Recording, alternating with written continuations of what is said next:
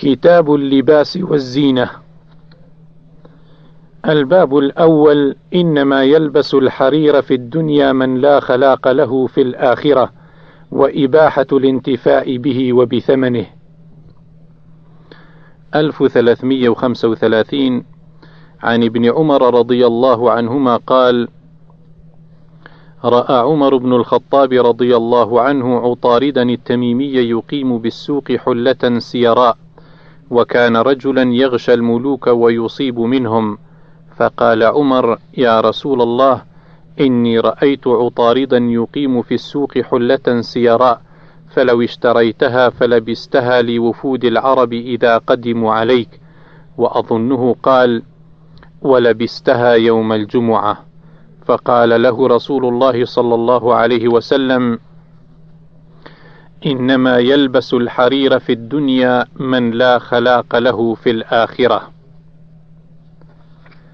فلما كان بعد ذلك أتي رسول الله صلى الله عليه وسلم بحلل سيراء فبعث إلى عمر بحلة وبعث إلى أسامة بن زيد بحلة وأعطى علي بن أبي طالب رضي الله عنهم حلة وقال شققها خمرا بين نسائك. قال فجاء عمر بحلته يحملها فقال يا رسول الله بعثت إلي بهذه وقد قلت بالأمس في حلة عطارد ما قلت فقال إني لم أبعث بها إليك لتلبسها ولكني بعثت بها إليك لتصيب بها. وأما أسامة فراح في حلته فنظر إليه رسول الله صلى الله عليه وسلم نظرا عرف أن رسول الله صلى الله عليه وسلم قد أنكر ما صنع فقال يا رسول الله ما تنظر إلي؟ فأنت بعثت إلي بها. فقال إني لم أبعث إليك لتلبسها ولكني بعثت بها إليك لتشققها خمرا بين نسائك. أخرجه البخاري 2612 و 2614 الباب الثاني من لبس الحرير في الدنيا لم يلبسه في الآخرة.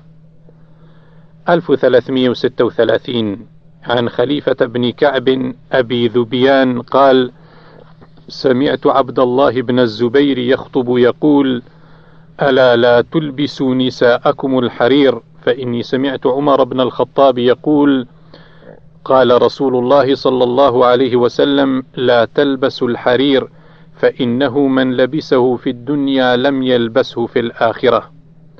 أخرجه البخاري 5830 الباب الثالث لا ينبغي للمتقين لبس فروج الحرير. 1337 عن عقبة بن عامر رضي الله عنه أنه قال أهدي لرسول الله صلى الله عليه وسلم فروج حرير. فلبسه ثم صلى فيه ثم انصرف فنزعه نزعا شديدا كالكاره له ثم قال لا ينبغي هذا للمتقين. أخرجه البخاري 375 الباب الرابع النهي عن لبس الحرير إلا قدر إصبعين.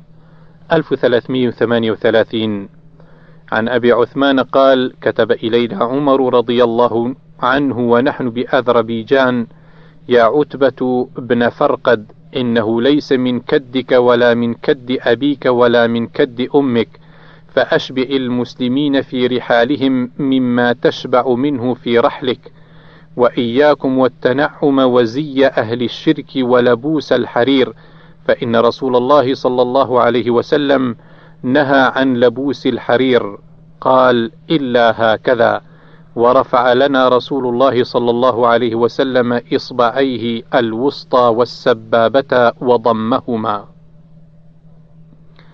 قال زهير قال عاصم هذا في الكتاب.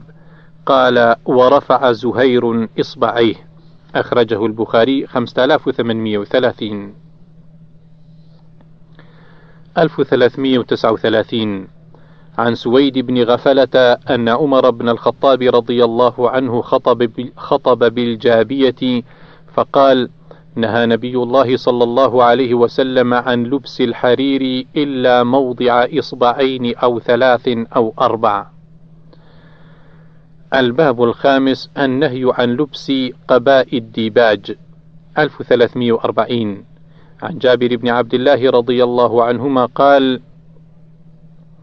لبس النبي صلى الله عليه وسلم يوما قباء من ديباج أهدي له ثم أوشك أن ينزعه فأرسل به إلى عمر بن الخطاب رضي الله عنه فقيل له قد أوشك ما نزعته يا رسول الله.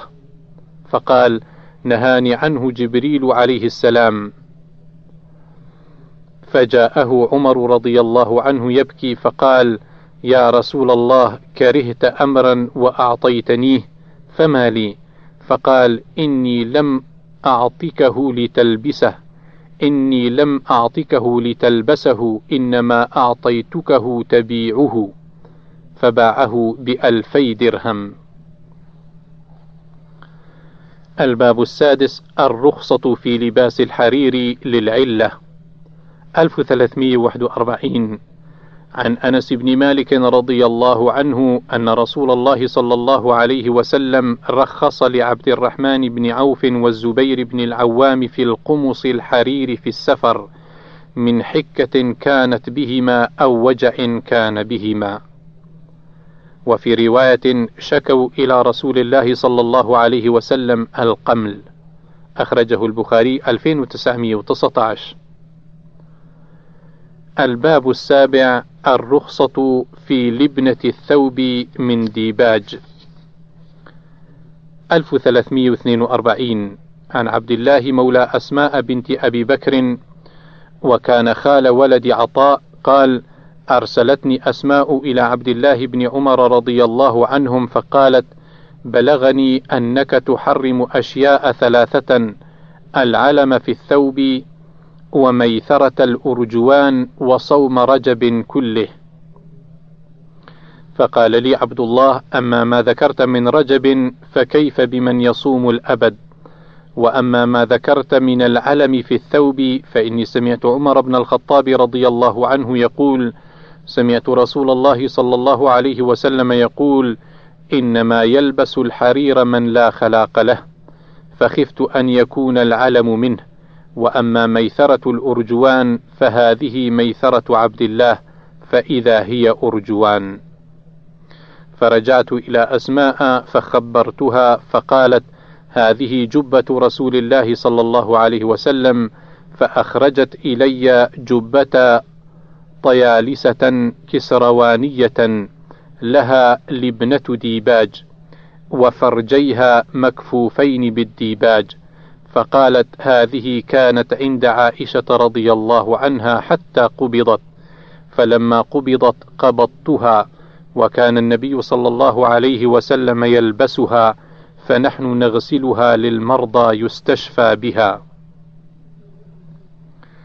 الباب الثامن قطع ثوب الحرير خمرا للنساء. 1343 عن علي بن أبي طالب رضي الله عنه أن أكيدر دومة أهدى إلى النبي صلى الله عليه وسلم ثوب حرير فأعطاه عليا كرم الله وجهه فقال شققه خمرا بين الفواطم.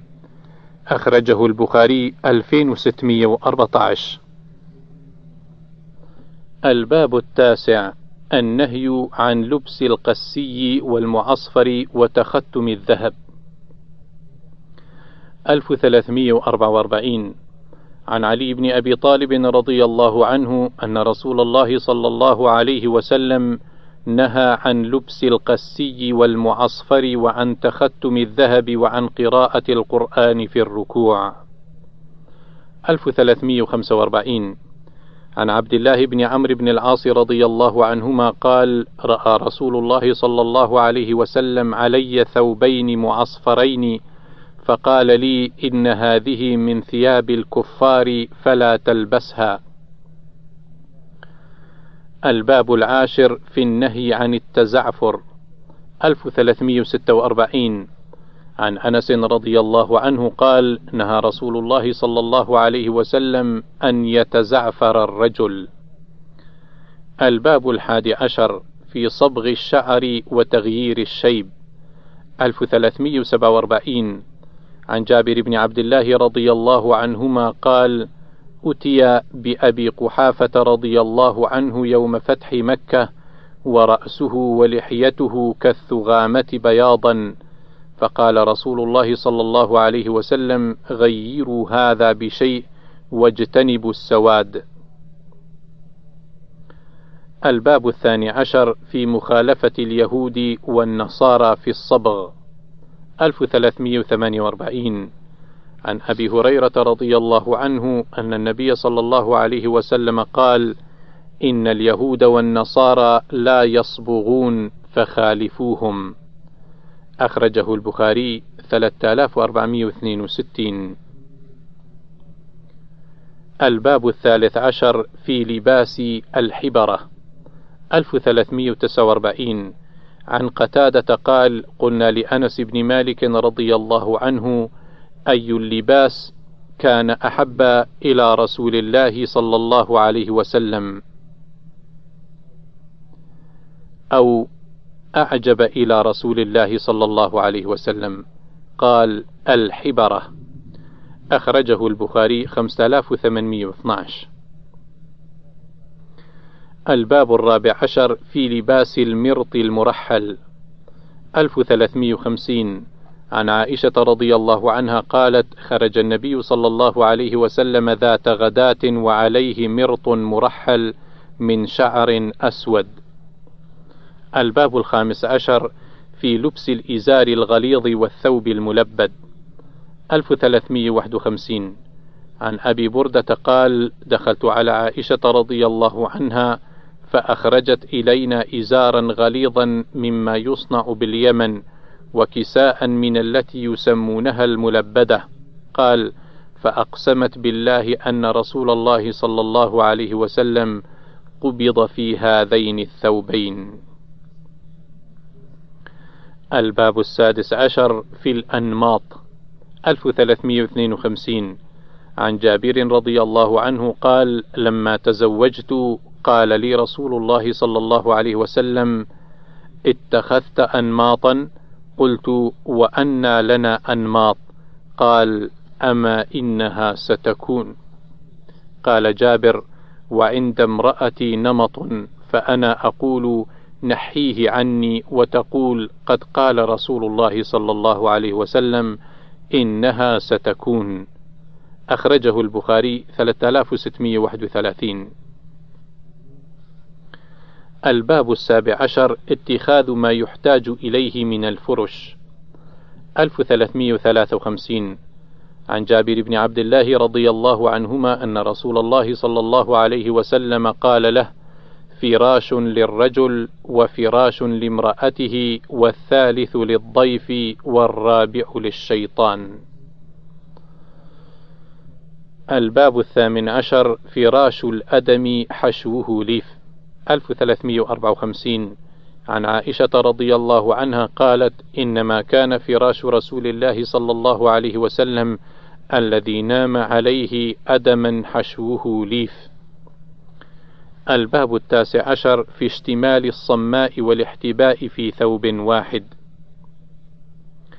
1355 عن جابر رضي الله عنه أن رسول الله صلى الله عليه وسلم نهى أن يأكل الرجل بشماله أو يمشي في نعل واحدة وأن يشتمل الصماء وأن يحتبي في ثوب واحد كاشفا عن فرجه. الباب العشرون النهي عن الاستلقاء ووضع إحدى الرجلين على الأخرى 1356 عن جابر بن عبد الله رضي الله عنهما أن النبي صلى الله عليه وسلم قال: لا يستلقين أحدكم ثم يضع إحدى رجليه على الأخرى. الباب الحادي والعشرون إباحة الاستلقاء ووضع إحدى الرجلين على الأخرى. 1357 عن عباد بن تميم عن عمه رضي الله عنه أنه رأى رسول الله صلى الله عليه وسلم مستلقيا في المسجد واضعا إحدى رجليه على الأخرى. أخرجه البخاري 475 الباب الثاني والعشرون في رفع الإزار إلى أنصاف الساقين. 1358 عن ابن عمر رضي الله عنهما قال مررت على رسول الله صلى الله عليه وسلم وفي إيزار استرخاء فقال يا عبد الله ارفع إزارك فرفعته ثم قال زد فزدت فما زلت أتحراها بعد. فقال بعض القوم إلى أين؟ فقال أنصاف الساقين الباب الثالث والعشرون لا ينظر الله إلى من يجر إزاره بطرا. 1359 عن محمد بن زياد قال سمعت أبا هريرة رضي الله عنه ورأى رجلا يجر إزاره فجعل يضرب الأرض برجله وهو أمير على البحرين وهو يقول جاء الأمير جاء الأمير. قال رسول الله صلى الله عليه وسلم إن الله لا ينظر إلى من يجر إزاره بطرا. أخرجه البخاري 5788 الباب الرابع والعشرون ثلاثة لا يكلمهم الله ولا ينظر إليهم.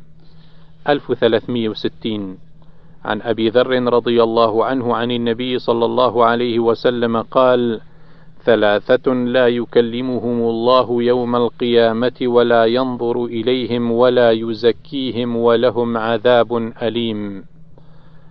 قال: فقرأها رسول الله صلى الله عليه وسلم ثلاث مرار، فقال أبو ذر: خابوا وخسروا من هم يا رسول الله؟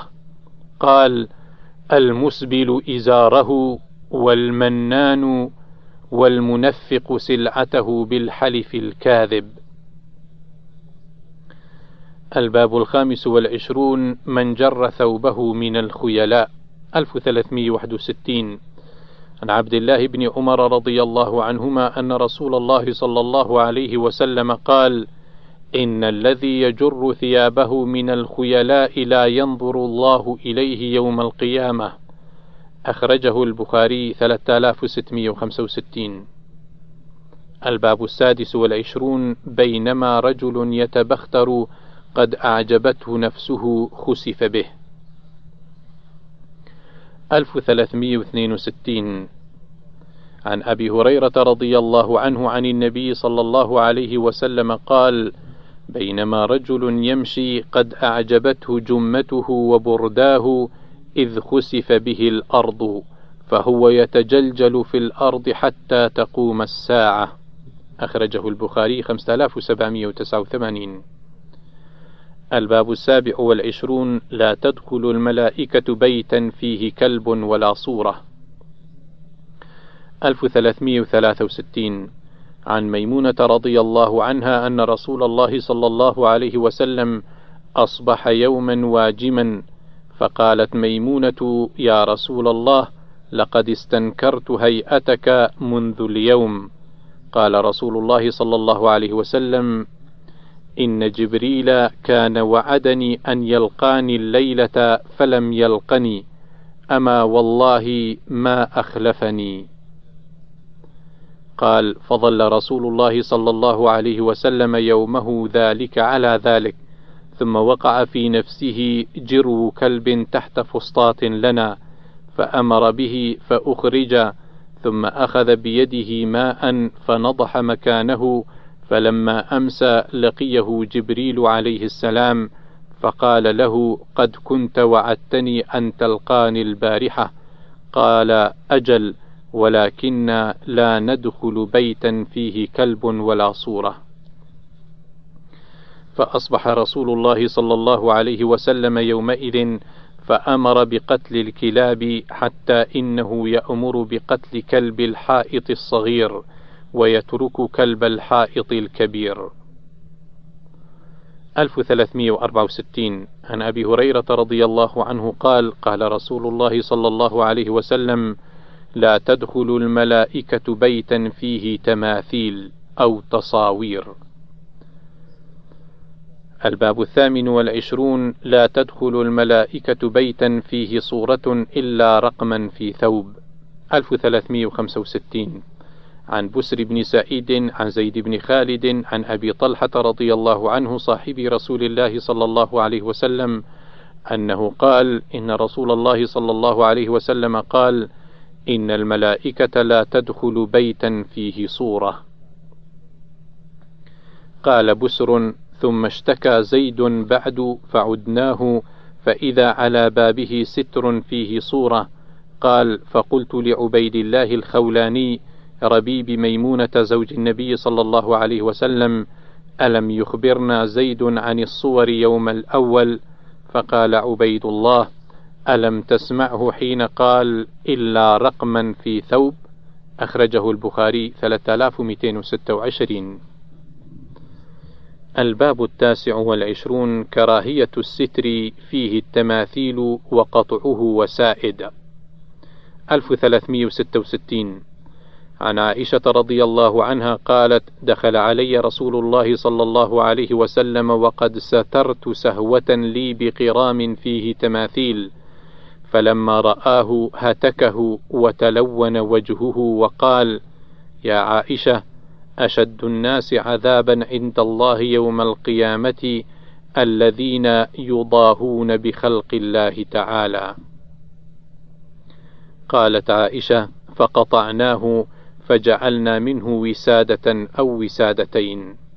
أخرجه البخاري 5954 1367 عن عائشة رضي الله عنها قالت: قدم رسول الله صلى الله عليه وسلم من سفر وقد سترت على بابي درنوكا فيه الخيل ذوات الأجنحة فأمرني فنزعته.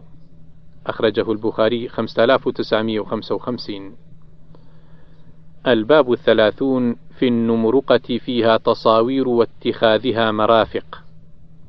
1368 عن عائشة رضي الله عنها أنها اشترت نمرقة فيها تصاوير فلما رآها رسول الله صلى الله عليه وسلم قام على الباب فلم يدخل فعرفت أو فعرفت في وجهه الكراهية فقالت يا رسول الله أتوب إلى الله وإلى رسوله فماذا أذنبت؟ فقال رسول الله صلى الله عليه وسلم ما بال هذه النمرقة؟ فقلت اشتريتها لك تقعد عليها وتوسدها. فقال رسول الله صلى الله عليه وسلم إن أصحاب هذه الصورة يعذبون ويقال لهم أحيوا ما خلقتم. ثم قال إن البيت الذي فيه الصور لا تدخله الملائكة. وفي رواية قالت فأخذته فجعلته مرفقتين فكان يرتفق بهما في البيت. أخرجه البخاري 2105 الباب الحادي والثلاثون عذاب المصورين يوم القيامة 1369 عن سعيد بن أبي الحسن قال جاء رجل إلى ابن عباس فقال إني رجل أصور هذه الصور فأفتني فيها. فقال له أدن مني. فدنا منه ثم قال أدن مني. فدنا حتى وضع يده على رأسه وقال أنبئك بما سمعت من رسول الله صلى الله عليه وسلم.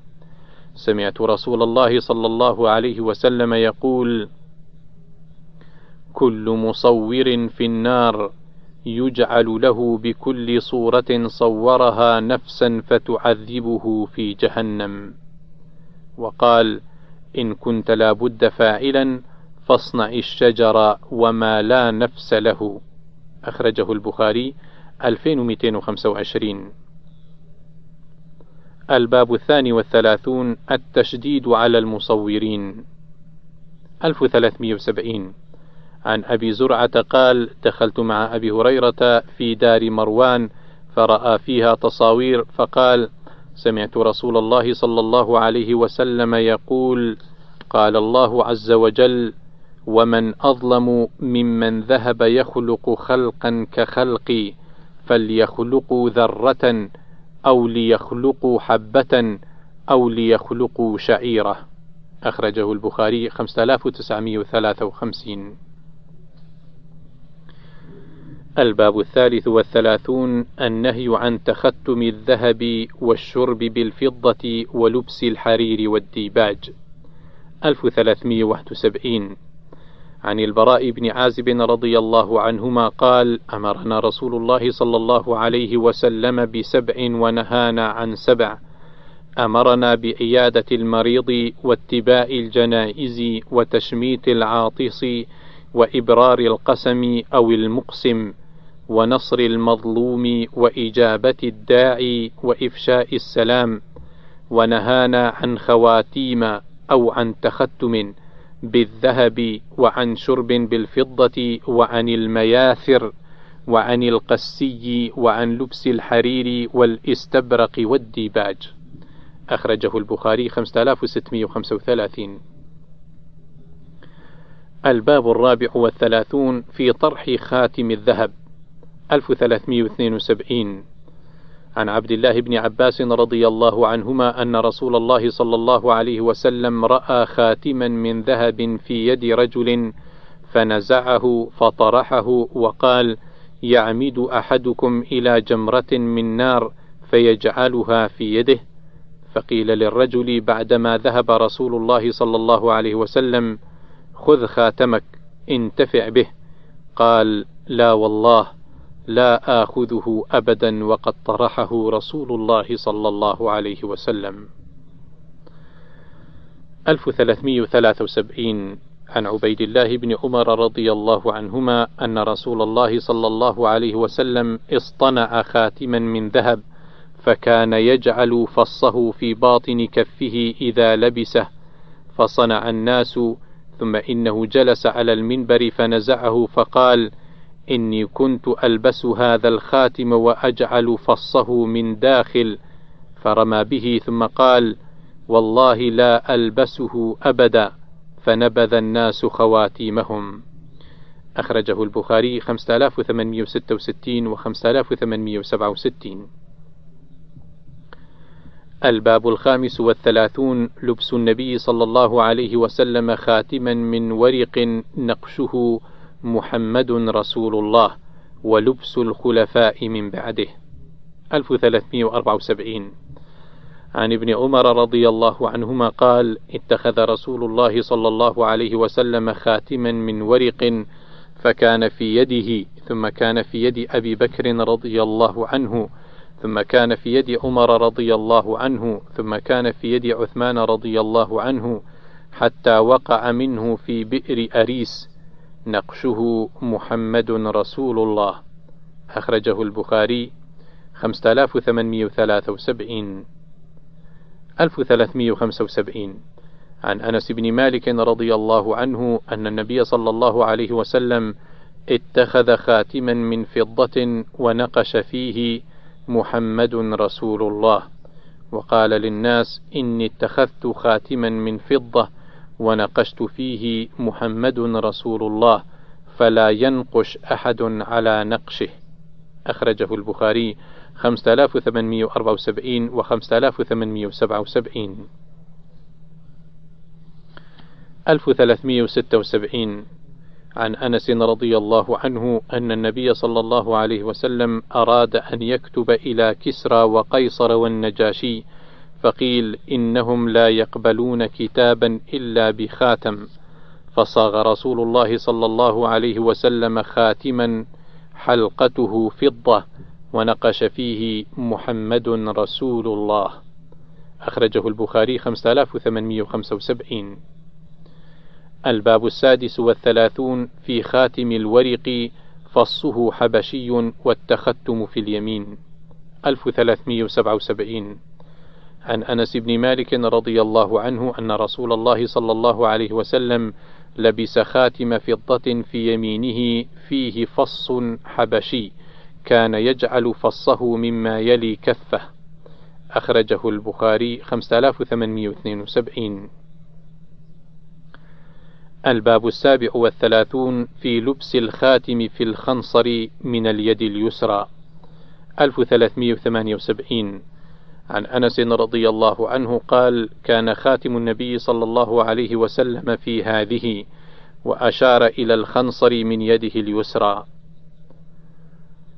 الباب الثامن والثلاثون في النهي عن التختم في الوسطى والتي تليها 1379 عن علي رضي الله عنه قال نهاني رسول الله صلى الله عليه وسلم أن أتختم في إصبعي هذه أو هذه قال فأومأ إلى الوسطى والتي تليها. الباب التاسع والثلاثون ما جاء في الانتعال والاستكثار من النعال. 1380 عن جابر بن عبد الله رضي الله عنهما قال سمعت النبي صلى الله عليه وسلم يقول في غزوة غزوناها استكثروا من النعال فإن الرجل لا يزال راكبا من تعل. الباب الأربعون إذا انتعل فليبدأ باليمين وإذا خلع فليبدأ بالشمال. 1381 عن أبي هريرة رضي الله عنه أن رسول الله صلى الله عليه وسلم قال: إذا انتعل أحدكم فليبدأ باليمنى وإذا خلع فليبدأ بالشمال ولينعلهما جميعا أو ليخلعهما جميعا. أخرجه البخاري 5855 و 5856 الباب الحادي والأربعون النهي عن المشي في نعل واحدة. 1381 مكرر. عن أبي هريرة رضي الله عنه أن رسول الله صلى الله عليه وسلم قال: لا يمشي أحدكم في نعل واحدة. لينعلهما جميعا أو ليخلعهما جميعا. الباب الثاني والأربعون النهي عن القزع. 1382 عن ابن عمر رضي الله عنهما أن رسول الله صلى الله عليه وسلم نهى عن القزع. قال قلت لنافع وما القزع؟ قال يحلق بعض رأس الصبي ويترك بعض. أخرجه البخاري 5920 الباب الثالث والأربعون النهي عن وصل الشعر للمرأة. 1383 عن أسماء بنت أبي بكر رضي الله عنهما قالت جاءت امرأة إلى النبي صلى الله عليه وسلم فقالت: يا رسول الله إن لابنة عريسا أصابتها حصبة فتمرق شعرها أفأصل أفأصله؟ فقال: لعن الله الواصلة والمستوصلة. أخرجه البخاري 5941 الباب الرابع والأربعون في الزجر أن تصل المرأة برأسها شيئا. 1384 عن جابر بن عبد الله رضي الله عنهما قال زجر النبي صلى الله عليه وسلم أن تصل المرأة برأسها شيئا 1385 عن حميد بن عبد الرحمن بن عوف أنه سمع معاوية بن أبي سفيان رضي الله عنهم عام حج وهو على المنبر وتناول قصة من شعر كانت في يد حرسي يقول: يا أهل المدينة أين علماؤكم؟ سمعت رسول الله صلى الله عليه وسلم ينهى عن مثل هذه ويقول: إنما هلكت بنو إسرائيل حين اتخذ هذه نساؤهم. أخرجه البخاري 5932 الباب الخامس والأربعون في لعن الواشمات والمتفلجات. 1386 عن عبد الله بن مسعود رضي الله عنهما قال لعن الله الواشمات والمستوشمات والنامصات والمتنمصات والمتفلجات للحسن المغيرات خلق الله قال فبلغ ذلك امرأة من بني أسد يقال لها أم يعقوب وكانت تقرأ القرآن فأتته فقالت ما حديث بلغني عنك أنك لعنت الواشمات والمستوشمات والمتنمصات والمتفلجات للحسن المغيرات لخلق الله. فقال عبد الله وما لي لا ألعن من لعن رسول الله صلى الله عليه وسلم وهو في كتاب الله عز وجل. فقالت المرأة لقد قرأت ما بين لوحي المصحف فما وجدته؟ فقال لئن كنت قرأتيه لقد وجدتيه. قال الله عز وجل وما آتاكم الرسول فخذوه وما نهاكم عنه فانتهوا. سورة الحشر الآية سبعة.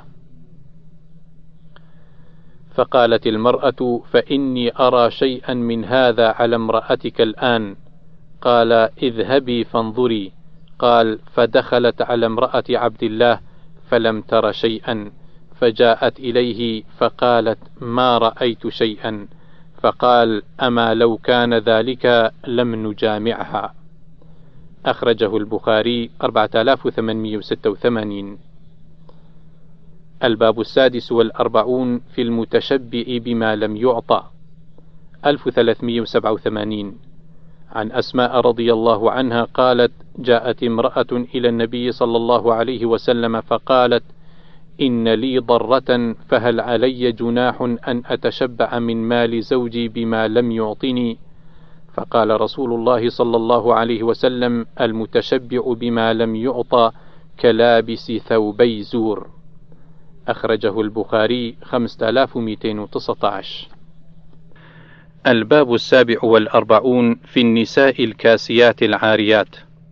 1388 عن أبي هريرة رضي الله عنه قال قال رسول الله صلى الله عليه وسلم صنفان من أهل النار لم أرهما قوم معهم سياط كأذناب البقر يضربون بها الناس ونساء كاسيات عاريات مميلات مائلات رؤوسهن كأسنمة البخت المائلة لا يدخلن الجنة ولا يجدن ريحها وإن ريحها لتوجد من مسيرة كذا وكذا. الباب الثامن والأربعون قطع القلائد من أعناق الدواب 1389 عن أبي بشير الأنصاري رضي الله عنه أنه كان مع رسول الله في بعض أسفاره قال: فأرسل رسول الله صلى الله عليه وسلم رسولا قال عبد الله بن أبي بكر حسبت أنه قال والناس في مبيتهم. لا يبقين في رقبة بعير قلادة من وتر أو قلادة إلا قطعت. قال مالك أرى ذلك من العين. أخرجه البخاري 3005 الباب التاسع والأربعون في الأجراس وأن الملائكة لا تصحب رفقة فيها كلب ولا جرس. 1390 عن أبي هريرة رضي الله عنه أن رسول الله صلى الله عليه وسلم قال لا تصحب الملائكة رفقة فيها كلب ولا جرس.